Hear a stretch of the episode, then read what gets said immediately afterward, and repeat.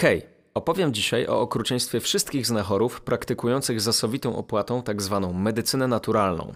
Przybliżę Wam przypadek ciężko chorej pacjentki szukającej w niej pomocy oraz opowiem, jak źle to się dla niej skończyło.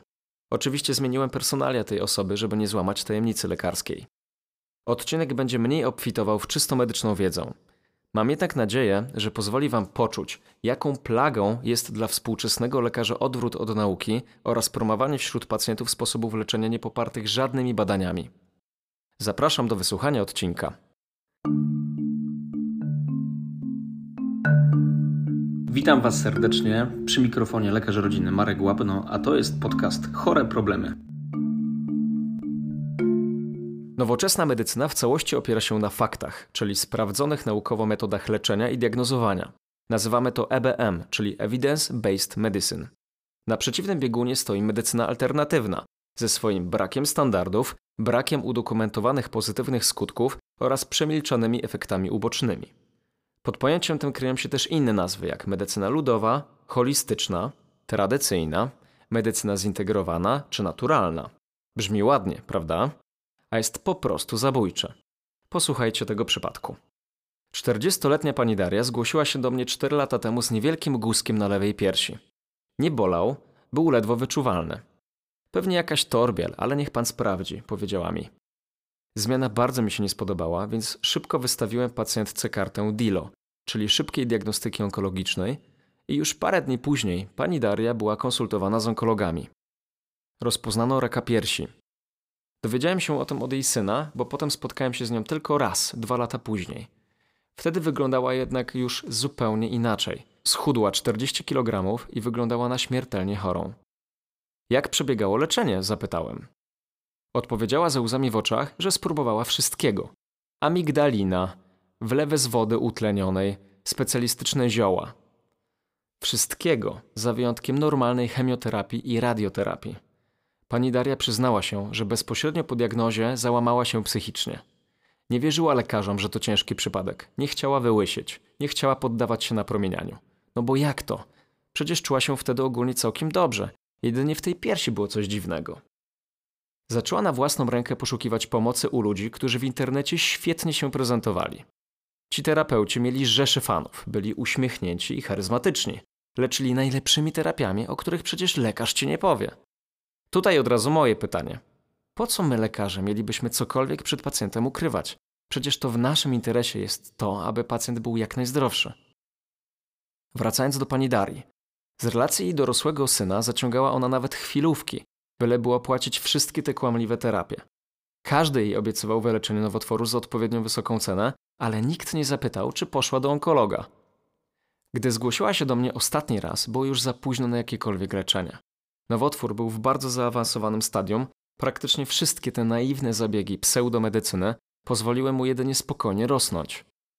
Postanowiłem jednak jeszcze trochę powalczyć o pacjentkę, porozmawiać z onkologami, którzy ją diagnozowali oraz specjalistą medycyny paliatywnej, zrobić jakiś plan działania i opieki nad pacjentką.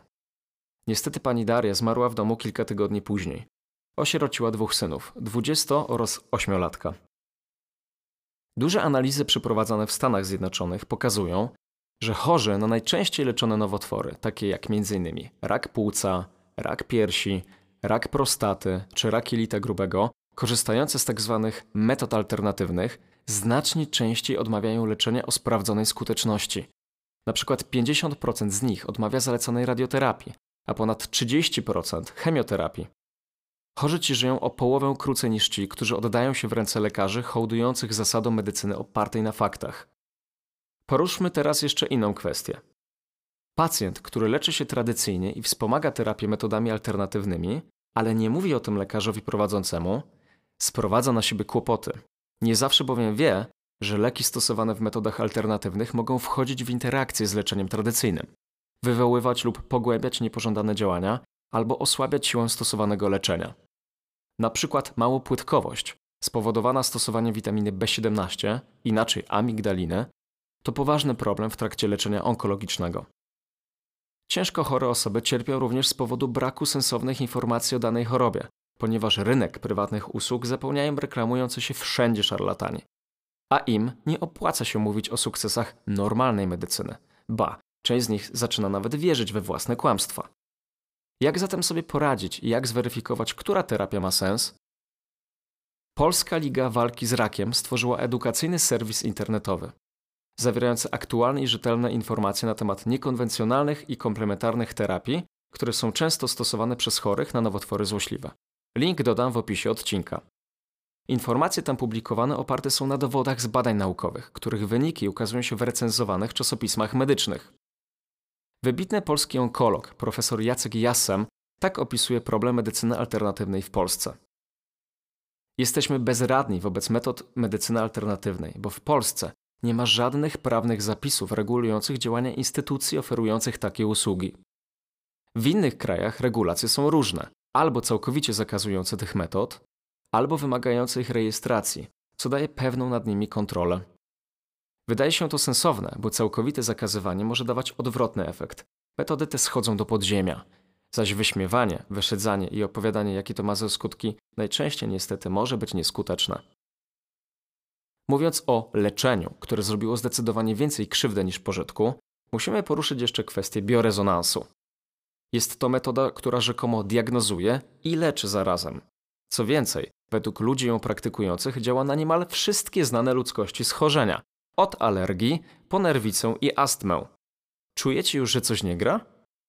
Pomiar fal elektromagnetycznych człowieka, bo tak ma niby działać to urządzenie, nie ma absolutnie żadnego zastosowania w medycynie. Podkreślmy więc z pełną stanowczością, że biorezonans jest tylko formą wyłudzenia pieniędzy. Nie istnieje nawet jedno wiarygodne badanie kliniczne potwierdzające jego skuteczność w wykrywaniu jakichkolwiek schorzeń.